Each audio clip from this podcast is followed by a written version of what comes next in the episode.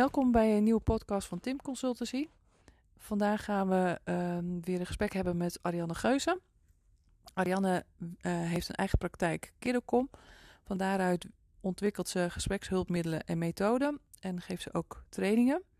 Daarnaast werkt ze bij de Raad van de Kinderbescherming als gedragsdeskundige. Vorige keer hebben we het gehad over het maken van een veiligheidsplan. En ehm, dit keer gaat het over risicotaxatie. Ariane, kan je iets vertellen over risicotaxatie? Ehm, risicotaxatie is eigenlijk. Ja, je hebt natuurlijk allerlei vormen van risicotaxatie, maar de risicotaxatie waar ik me vooral mee bezig hou, zijn ehm, eh, het in kaart brengen van factoren die de kans op kindermishandeling groter maken. Want mhm. bij ons gaat het om veiligheid bij ons bedoel ik wanneer we met kinderen en gezinnen werken, dan willen we gewoon dat de kinderen veilig opgroeien. Ja. En wat je bij risicotaxatie doet, is kijken welke factoren um, eventueel in een gezin spelen die de ouder-kindrelatie onder druk kunnen zetten. Dus die mhm. samenhangen met kindermishandeling. Ja, oké. Ehm, dus risicotaxatie bij kindermishandeling. Nee, risicotaxatie in gezinnen die de kans op kindermishandeling, mm die daarmee samenhangen. Ja. En dat is wat anders dan bijvoorbeeld veiligheidstaxatie. Bij veiligheidstaxatie kijk je echt naar um, concrete gebeurtenissen. Dat doe je met het raamwerk, mhm. waarbij je ook kijkt welke feitelijke zorgen er spelen en ja. ja hoe ernstig daarmee de veiligheid van de kinderen eh, bedreigd wordt. Bij risicotaxatie, nou, dan kijk je eigenlijk veel meer naar die complicerende factoren. Dus als je mhm. naar het raamwerk, naar het bovenste vierkant kijkt, ja. dan staan rechtsboven. Um, nee, dan is de bovenste laag aan de linkerkant zijn feitelijke zorgen en aan de rechterkant daar ja. pal tegenover zijn de positieve uitzondering. Dus dat gaat mhm. echt om het concrete gedrag ja. van ouders naar kinderen en eh, die, die schadelijk zijn of die, die, die, ehm, die onveiligheid voor de kinderen uh, meebrengen. Mhm. Dat is dus al feitelijk geconstateerd. Ja. De laag daaronder, dat zijn de complicerende factoren en de um, steunbronnen of de, de, de krachten. Ja. En in die complicerende factoren, um, daar kunnen allerlei factoren zitten die het moeilijker maken mm om de relatie tussen ouders en kinderen oké te houden en veilig te houden. Mhm. Maar die hoeven nog geen onveiligheid voor kinderen mee te nemen. Want op het moment dat ze dat doen, worden het feitelijke zorgen. Ja. Nou, dan kan je bijvoorbeeld denken aan, want dit klinkt ehm, eh, misschien heel theoretisch, maar dan kan je bijvoorbeeld denken aan het hebben van een kwetsbaar kind. Stel je voor, uh, je hebt een heel jong kind of je hebt een kind met um, een uh, handicap of met een heel laag zelfbeeld. Ja. Dat, dat zijn kindfactoren mhm. die um, eigenlijk um, ervoor zorgen dat ouders meer stress in de opvoeding ervaren. Mhm. En dat kan leiden ja. tot kindermishandeling. Dat kan die relatie tussen ouders en kinderen onder druk zetten. Ja, maar dat heeft het dus nog niet toegeleid, want dan zeg je als het wel al geleid heeft tot onveiligheid bij kinderen, dan hoort hij in de bovenste laag ja, van je want dan zie je dat in dit gezin het al mhm. gewoon een concrete zorg is. Ja. Terwijl um, bij risicotaxatie kijk je veel meer naar de, of er factoren spelen waarvan we weten mhm. dat ze de waarschijnlijkheid op um, kindermishandeling uh, met zich meenemen. En je zei één daarvan, dat gaat over kindfactoren. En waar kan het nog meer over gaan? Het kan over oude factoren gaan. Dus bijvoorbeeld um, of ouders zelf um, um, in hun verleden ja, mishandeling hebben meegemaakt. Mhm. En nou weet je, een heleboel van die ouders nemen zich juist voor om het anders te doen. Mhm. En daar speelt dus helemaal geen kindermishandeling. Maar er zijn ook ouders die door wat ze meegemaakt hebben te weinig voorbeeldgedrag hebben. En mhm. die onder stress dan bijvoorbeeld het gedrag juist kunnen laten zien wat ze zelf ook hebben meegemaakt. Mhm. Terwijl ze dat heel naar vinden. Ja, oké. Mhm. En um, zo heb je uh, gezinsfactoren op het moment dat er een heleboel um, gebeurd is um, in de periode voorafgaand aan jouw bemoeienis met het gezin, ja. kan de draagkracht, draag-lastbalans bij ouders bijvoorbeeld echt mm uit balans zijn. Kan dat hebben gezorgd voor dat ouders gewoon op de tenen lopen. En ouders die op de tenen lopen, mhm. omdat ze gewoon ja, veel te veel aan hun hoofd hebben. Um, daarbij is het risico op kindermishandeling ook aan de orde. Dus wat mhm. je wil is met veiligheidsplanning wil je in ieder geval de feitelijke zorgen um, samen met ouders in, kaart brengen. in kaart brengen en zorgen dat er positieve uitzonderingen of beschermende mhm. acties daarvoor in de plaats komen. Ja. Maar als je die andere factoren op kindniveau, op ouderniveau, op gezinsniveau ja. um, of in de ouder-kind-interactie, als je die niet in kaart brengt, mhm. dan kan het zijn dat um, uh, een gezin ook weer vrij, vrij vlot ja. um, in de hulpverlening of in de trajecten terugkomt, omdat we helemaal niks gedaan hebben aan bijvoorbeeld financiële problemen. Mhm. Terwijl we uit onderzoek weten dat wanneer financiële problemen heel erg spelen, dat dat een enorme stressfactor is waar ouders zo mee bezig kunnen zijn, mhm. dat ook dat weer zorgt voor nieuwe problemen of hernieuwde problemen ja. in die oude-kind-relatie. ja, oké. Dus wat je doet eigenlijk met risicotaxatie, is dat je um, nagaat met, het, met ouders, met de gezinnen, met de betrokken hulpverleners, of er in het gezin nog sprake is van ja. risicofactoren mhm. die um, de ouder-kindrelatie onder druk kunnen zetten. Ja. En die wil je ook meenemen, zodat op het moment dat je je dossier afsluit of je traject afsluit, dat je um, niet alleen ervoor gezorgd hebt dat het veilig is, mhm. maar ook dat die risico's um, eh, in de toekomst, eh, nabije ja. of wat verdere toekomst, dat die ook aangepakt zijn. Dus dat een mhm. gezin echt veilig en stevig verder kan. Ja, oké. dus dan ga je kijken of je wat aan die stressfactoren kunt doen, zodat um, die stress afneemt. Ja, je begint eigenlijk met een veiligheidsplan voor de. Um, voor het feitelijk gedrag of voor de feitelijke zorgen die mm onveiligheid met zich meenemen. Ja. En daarna kijk je in een hulpverleningsplan mhm. ehm, hoe je eventueel de complicerende factoren die ook nog spelen in kaart. Oh, niet alleen weer in kaart kunt brengen, maar dat je die ook um, uh, voldoende tegengas kunt geven doordat je kracht- en steunbronnen daarvoor extra inschakelt. Ja. In um in de titel van de opleiding die jij en ik daarover geven, zit dat denk ik ook heel mooi verwerkt. Uh, training Veiligheidsplanning Risicotaxatie. Waarin als ondertitel geldt van onveilig naar veilig en van lastig naar krachtig. Ja. Uh, Want je pakt eerst die bovenste laag, dus die onveiligheid, dus die bovenste uh, blokken mhm. van het vierkant van de inventarisatie. En daarna die onderste blokken, waarin je echt dat, last, dat wat lastig is in kaart brengt. En probeert daar ook ja, meer kracht tegenover te zetten. Mooi.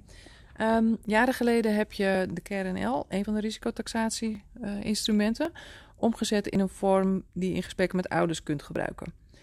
Um, eigenlijk een, een voorloper van de complicatie die we ontwikkeld hebben. Hoe kwam je daar zo bij? Nou, wat je ziet, ik, ben een, ik, ik vind zelf het um, het oplossingsgericht werken, dus het um, samenwerken aan veiligheid, science of safety, vind ik echt hele waardevolle manieren van werken.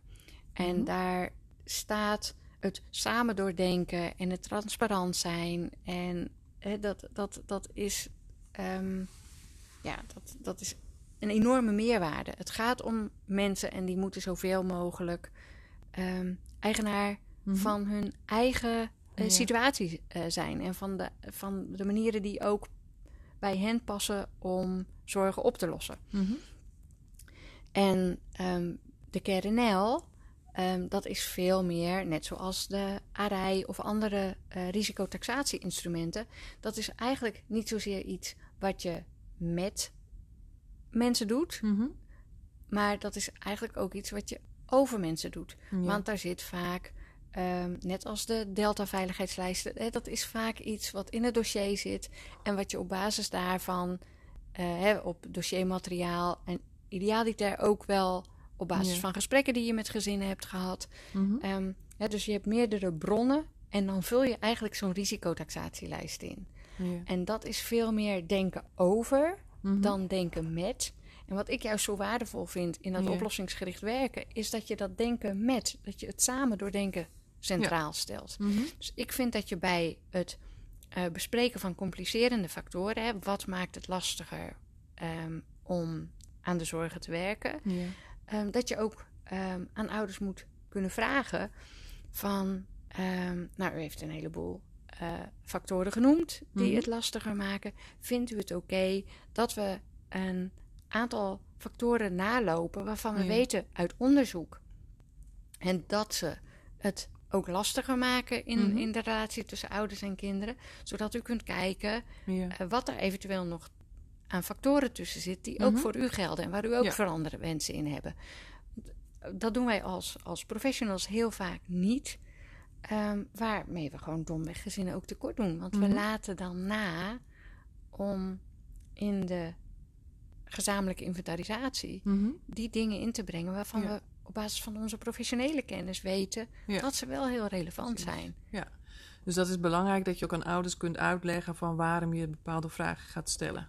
Ja, dus dat is je legitimatie. En je wil dat wat je inbrengt ook ten dienste staat van het doordenken mhm. van de situatie met elkaar. Ja. En dat doe je niet door bepaalde informatie um, ja, over hen heen of vanuit een dossier te bespreken. Dat doe mhm. je door domweg de, de, de punten ook in gesprek um, in te brengen. En, en um, ja, ouders daarvan zelf en ook kinderen en ook het netwerk te laten zeggen van mhm. ja, we zien dat dat wel speelt en dat dat wel belangrijk is om op het einde van het traject echt helemaal gerust te zijn. Niet mhm. alleen over de veiligheid in, tot nu toe, maar ook um, voor de veiligheid in de toekomst. Ja. Oké, dus daarin ga je ouders uitleggen van waarom je dat gaat doen, waar je het over gaat hebben. Ja. En hoe ga je dan verder? Nou ja, wat je in ieder geval moet doen, je moet daar um, zeg maar, als je nu kijkt naar risicotaxatielijsten, dan is het taalgebruik daarin. Um, dat, is alleen, dat is allemaal professionele kennis. Ja. Want um, het zijn vaak hulpmiddelen waarin professionals elkaar vinden in de beschrijvingen van gezinnen. Ja. Maar als je dat samen met het gezin wil doen, zul je dus je taal mhm. ook af moeten stemmen op, op taal die iedereen begrijpt. Dus je moet daar een behoorlijke slag maken in iets wat eerst een professioneel instrumentarium is, naar iets waar je gewoon met ouders en het netwerk over mhm. in gesprek kunt gaan. Ja. Um, hè, dat vraagt dus een, een, een omslag, mm maar ook uh, de volgorde waarin. Als je bijvoorbeeld kijkt naar uh, de KRNL, de eerste um, uh, scoringsfactor is of ouders eerder hun kind hebben mishandeld of hm. verwaarloosd. Mooie binnenkomer. Mooie binnenkomer. ja, niet dus. Nee. En op zich heel logisch, want vanuit het expert, vanuit de professionele kennis, mm -hmm. weten we dat dat de risicofactor is die het zwaar stelt. Ja. Als het eerder gebeurd is, is dat de grootste uh, ja. voorspeller voor hernieuwd. Mm -hmm. Dus het is een enorme belangrijke om wel in kaart te brengen. Alleen als je in gesprek met ouders gaat, is dat niet de eerste uh, die je bespreekt. Want mhm. ouders schrikken zich. Um, ja, die, die, die, ja, die schrikken zich de tandjes. Het is een heftige binnenkomer. Mm ja. Um, dus ja, daar moet je over nadenken. Over hoe je met ouders in gesprek gaat over die risicofactoren op een mhm. manier die voor hen um, ook um, prettig ja. um, is. En hè, waarin, je, waarin je eigenlijk van buiten naar binnen werkt.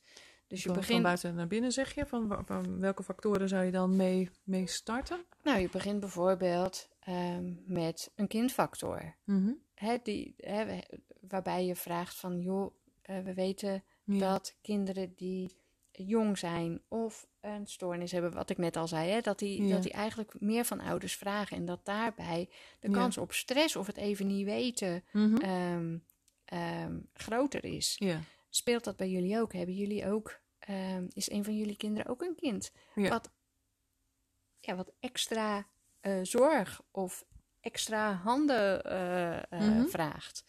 En Weet je, vanuit de risicotaxatie wil je dan eigenlijk alleen maar een ja of een nee. Ja. Om te kijken hoeveel factoren is het wel of niet, uh, is het wel of niet aan de hand. Maar vanuit het oplossingsgericht denken mhm. wil je eigenlijk veel meer dan dat. Dan wil je weten uh, van ja, en wat betekent dat? Waar, hè, op welke momenten mhm. wordt het dan moeilijker? Maar ook uh, wat lukt al wel en hoe lukt je dat? Zodat je gewoon met de mensen in samen in kaart brengt van oké, mhm. is dit iets Ehm, waar je um, tevreden genoeg over bent. Of waar je eigenlijk nog krachtiger, vandaar mhm. van lastig naar krachtig, hè, waar je nog krachtiger in zou worden, om ook op um, de langere termijn mhm. ja, die, die, die relatie tussen ouders en kinderen lekker te laten lopen. Ja. Ehm, dus dat gaat heel erg over uh, dat gaat dus je eerst over het kind en dan ga je daarna bijvoorbeeld in de gezinssituatie vragen. Je kan dan wat over die ouder en kind interactie vragen. Mhm. Op het moment dat daar dingen spelen, zit je al vaak dicht bij feitelijke zorg, hè? want die mhm. gaan ook over ouder-kind uh, gedrag, hè? Waar, die, waar, die, waar die interactie heel erg speelt. Mhm. En als laatste vraag je dan ehm, naar de oude factoren. En daar vraag je altijd Ehm, in een soort van drieslag weer. Um, hè, Speelt iets? Zo ja. Ehm, op wat voor manier en wat merken de kinderen van, mm ervan? en ja. Wat zijn daarin de uitzonderingen? Ja, wat, mhm. wat, wanneer lukt het wel en wat zou je nog beter willen? Ja. Oké, dus ook daar kijk het naar zorgen. Wat gaat er niet goed? Tegenover die positieve uitzonderingen? Wat, gaat, er wel? Wat lukt al wel? En, wat zijn je veranderwensen? Wat zijn, ja, wat zijn je doelen? Of hoe zou je het nog mhm. anders willen? Ja. En je zegt van dat was de eerste vertaalslag die je hebt gemaakt van die wetenschappelijke professionele taal. Heb je gekeken van hoe kan je dat in taal van de cliënt doen en hoe kan je van binnen naar van, buiten, van buiten, naar, binnen, binnen gaan werken? Ja. ja. En ehm, daarna zijn we samen gaan stoeien met hoe kan je dan ook voor ouders die minder verbaal zijn of die uh, moeite hebben met al die, alsnog al die woorden. Ja. Hebben we nog wel weer een andere vertaalslag gemaakt. Ja, want um, uh, het, blijft, um, het blijft gewoon heel veel woorden als je, uit, mm -hmm. als je gaat vertellen wat je gaat doen en welke vragen je allemaal stelt. En het blijft, als je niet uitkijkt, iets van Ehm, mag ik even een checklistje met, met je nalopen? Mhm. En wat je eigenlijk heel graag wil, is ehm, dat je dingen ook, ja, zoals je alles in het um, samenwerken aan veiligheid, dat je dingen samen oppakt. Mhm. En uh, dan is een werkvorm die je samen kunt doen, mhm. in plaats van de professional tegenover ja. hè, uh, de ouders, maar echt iets die je samen kunt doen is helpend. En dan, dan heb je de focus ook. We hebben, we hebben kaartjes gemaakt, zeg maar, waar de vragen op staan. Mhm. Maar daarmee kun je ook samen kijken naar welke onderwerpen zijn er, welke vragen horen erbij. En wordt het al veel meer iets wat je samen doet, mhm. omdat je samen de focus hebt op de dingen die op tafel liggen. En daar stel je vragen mee. Mhm. En voor ouders die minder verbaal zijn, is het ook heel fijn om daar plaatjes bij te hebben. Ja. Dat doet toch een appel op een ander stuk van de hersenen en communiceert af en toe veel sneller. Hè? Je kan in een oogopslag soms zien um, waar je anders heel veel woorden voor zou hebben om te vertellen. Dus we hebben een combinatie daarin gemaakt van hele mooie plaatjes. Mhm. Die de, hè, een soort van picto's die voor de risicofactoren staan. Mhm. Met daarnaast ook altijd een kaartje waar de uitleg en de vragen op staan. En zo kun je samen met ouders eigenlijk die ja. um, complicerende factoren in kaart brengen. Mhm. En na je fase van je veiligheidsplanning, want dat is wat je altijd eerst wil doen. Je wil eerst zorgen dat het mhm. veilig is. Na je fase van je veiligheidsplanning, als het rustig genoeg is, het lekker loopt, kan je dan nog een verdieping maken van, nou, als we nu kijken naar de dingen mhm. die, die uh, jullie als gezin krachtiger zouden maken. Ja. Wat zijn dan die dingen ook alweer? Welke hebben we eruit gepikt? En als we kijken naar die veranderwensen, wat zijn dan um, de factoren? Um, of wat zijn dan de dingen die je zou willen veranderen? Um, en welke daarvan hebben bijvoorbeeld of het meeste effect op hoe het bij jullie thuis prettiger zou lopen? En dan mhm. kan je degene die het meeste effect hebben, zou je als eerste aan kunnen pakken in een hulpverleningsplan. Mhm. Want in een veiligheidsplan zijn, ja, is de aandacht echt gericht op die veilige situatie. En in je hulpverleningsplan, wat je na je veiligheidsplan doet, mhm. is je aanpak veel meer gericht op dat krachtiger maken. Op die um, risicogestuurde mhm. zorg eigenlijk. Ja. ja. Ehm, en kan je nog uitleggen van wat maakt dat het complicaten zijn? Van waar komt die naam vandaan? Oh, nou ja, dat is eigenlijk dat um, uh, het complicerende factoren zijn. Mhm. Maar de manier waarop wij het in willen zetten, willen we niet alleen kijken naar wat maakt het allemaal lastiger, mhm. maar ook wat lukt al wel. Ja. En daarmee um, kun je ook complimenten geven, of mhm. kunnen ouders zichzelf complimenten geven en zien wat voor krachten en steunbronnen ze daarvoor al beschikbaar hebben. Dus die compli, dat zijn gewoon eigenlijk de eerste letters van complicerend, maar ook van complimenten. Ja, en beide is in het werken met gezinnen, met kinderen um, belangrijk. Ja, mhm. en daarom als je puur risicotaxatie zou doen ja. um, vanuit een andere grondgedachte dan mhm. bijvoorbeeld samenwerken aan veiligheid of, of um, ja. uh, science of safety, dan doe je echt risicotaxatie vanuit een andere ja. basis, vanuit een andere gesprekshouding. Ja. En het feit dat wij het binnen mm -hmm. uh, de science of safety of de samenwerken aan veiligheid um, uitgangspunten halen, ja. um, dat maakt ook dat je niet alleen maar naar de shitkant kijkt, maar mhm. ook naar de mooie dingen die erachter zitten. En ja. om het gewogen te doen, moet je gewoon beide aspecten Precies. In kaart brengen. Ja, want anders mis je hele belangrijke informatie. Ja, -hmm. en want informatie die um, over de momenten waarop het al uh, beter lukt, of momenten die, um, die daarbij helpend zijn, dan, ja, dan krijg je weer die mooie balans die er in dat oplossingsgericht werken veel meer zit. Maar krijg je ook een stuk motivatie, omdat mhm. mensen zelf kunnen zien van, verrek, wat heb ik al eigenlijk veel gedaan. Dus het, is, het brengt ook hoop met zich mee mhm. en motivatie om ja. het nog langer Precies. vol te houden. Mm -hmm. Mooi. Um, dus je benadrukt heel erg van belangrijk om eerst je te focussen op die veiligheidsplanning, te zorgen dat het veilig is in de gezinnen. Daarna ga je aan de slag met het stukje, nou, wat voor risicofactoren, welke complicerende factoren zijn er nog meer. Um, als je dat in kaart hebt gebracht, um, ga je bezig met um, inzetten van hulpverlening om die factoren uh, aan te pakken, om daar wat mee te ja, doen. Ja, en dat hoeft niet altijd hulpverlening te zijn. Weet je, op het moment dat er financiële problemen zijn, mm -hmm. die ouders een poosje volhouden, maar dan versloft het weer en ja. dan um, krijgen ze weer heel veel rekeningen. En daar schrikken ze zo van dat ze op een gegeven moment de deur niet open doen, mm -hmm. maar dus ook de deur niet open voor Um, ja, voor de mensen die voor het kind heel erg belangrijk zijn. Of mm -hmm. die, ja, al is het maar in de vorm van bijles geven aan de kinderen, weet je. Ja, ja je moet wel de deur open doen voor mm -hmm. mensen die, uh, die, die jouw kinderen komen helpen. Ja.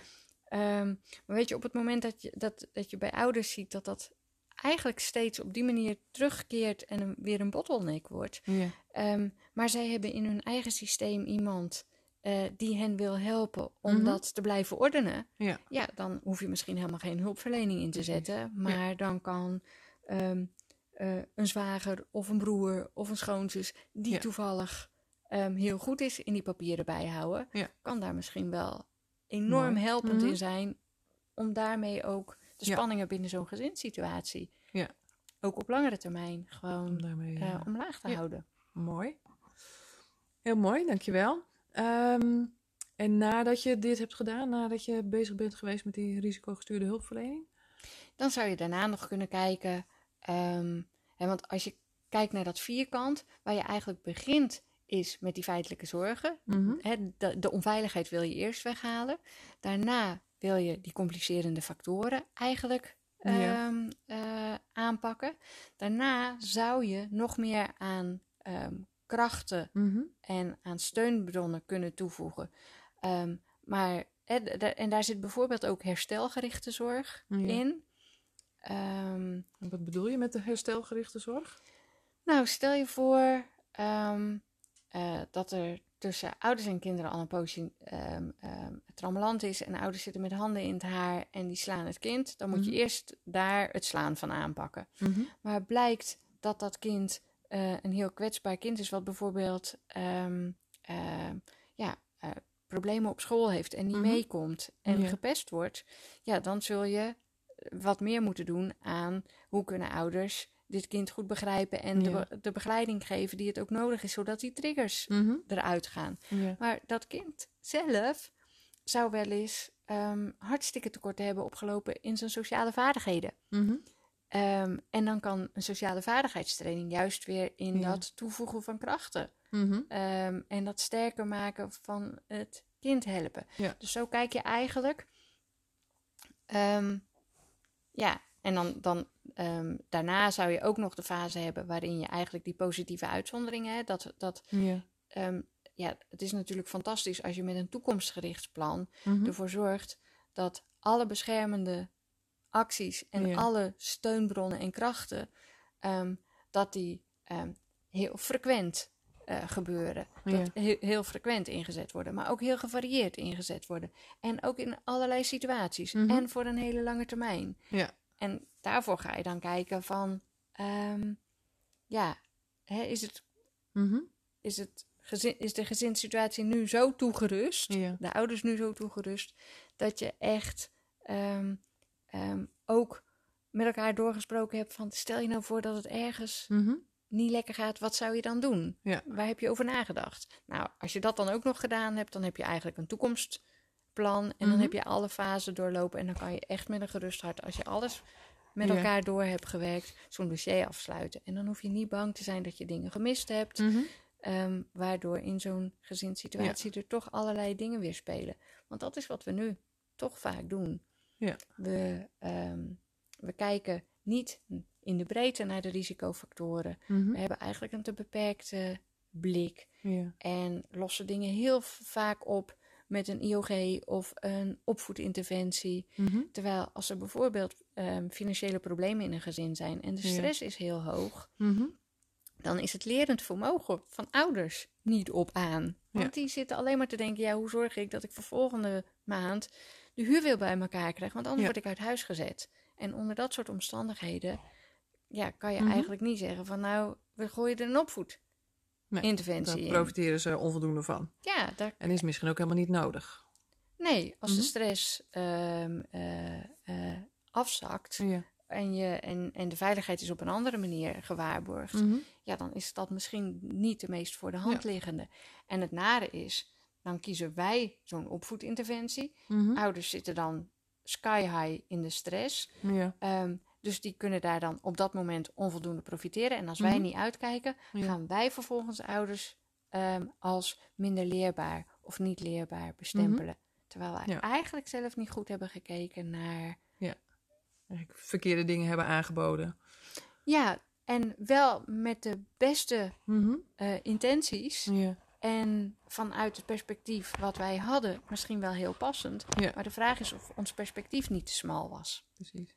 Dus eigenlijk ook voor het inschatten van welke, uh, welke stappen zijn allemaal nodig, wat waar kunnen ouders baat bij hebben, is het belangrijk om eerst uitgebreid in kaart te brengen wat allemaal die risicofactoren zijn. Ja, in de breedte te kijken wat er speelt, mhm. zodat je niet met elkaar doordenkt, maar maar half doordenkt, ja. op pad gaat en halverwege ingehaald wordt door een uithuiszetting, mm bijvoorbeeld. Omdat de schulden zo opgelopen zijn. Dat. Ja, precies, ja. En dat vraagt natuurlijk wel van ouders dat, ze, um, dat, ja, dat er veel aan hun gevraagd wordt. Dat er veel openheid gevraagd wordt. Hoe, hoe kan je dat voor elkaar krijgen? Nou, het is denk ik heel erg passend bij de visie van... Um, je wil het voor het gezin goed hebben. En je mhm. wil geen half werk leveren. Ja. Dat willen zij voor hun kinderen niet. Mhm. En dat willen wij als professionals voor gezinnen niet. Ja.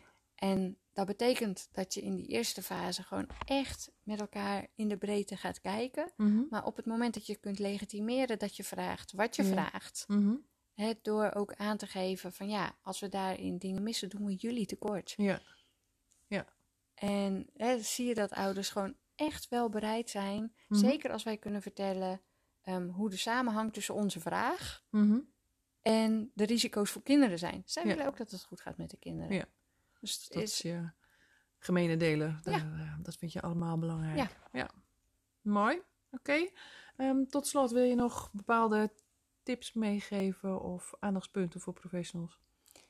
Nee, het is eigenlijk wat ik de vorige keer misschien ook wel gezegd heb. Zorg dat je aan het begin van een traject, Mhm. dat je met elkaar ehm, de tijd neemt om dingen goed te doordenken. Ja. Een goed begin is echt het halve werk. Mhm. En ehm, wat je nu heel erg ziet, is dat onder tijdsdruk Ja. mensen heel erg in de actie schieten. Logisch, ze willen ook snel helpen, de intenties zijn goed. Ehm, maar daarmee misschien wel niet de beste Ja. interventies of de beste stappen zetten Ja. die handig zijn of die handig Ja. blijken als je hem nader hebt doordacht. Mhm. Met wel één mits, dat is natuurlijk altijd op het moment dat je eh, je dat kan permitteren. Op het moment dat er acute Ja. ehm, plannen nodig zijn, dan moet je Dan niet gaan voor. verdragen. Dan gaat eerst het acute voor. Maak je een, ja, een snel korte Mhm. termijn plan. Ja. En ga je daarna met elkaar de tijd nemen om dingen breder te doordenken. Mooi. Dankjewel voor dit gesprek. Graag gedaan. Fijn dat je deze kennis weer hebt willen delen met ons. Ehm, ja, dat je hier de tijd voor hebt willen ma- eh, maken voor ons. Ehm, je hebt dus weer geluisterd naar een nieuwe podcast van Tim Consultancy. Ehm, wanneer je meer wilt weten over ons werk of over de trainingen, volg ons dan op social media of schrijf je in voor onze nieuwsbrief, die we in ieder geval maandelijks eh, rondsturen. En graag tot de volgende keer weer. Tot horens.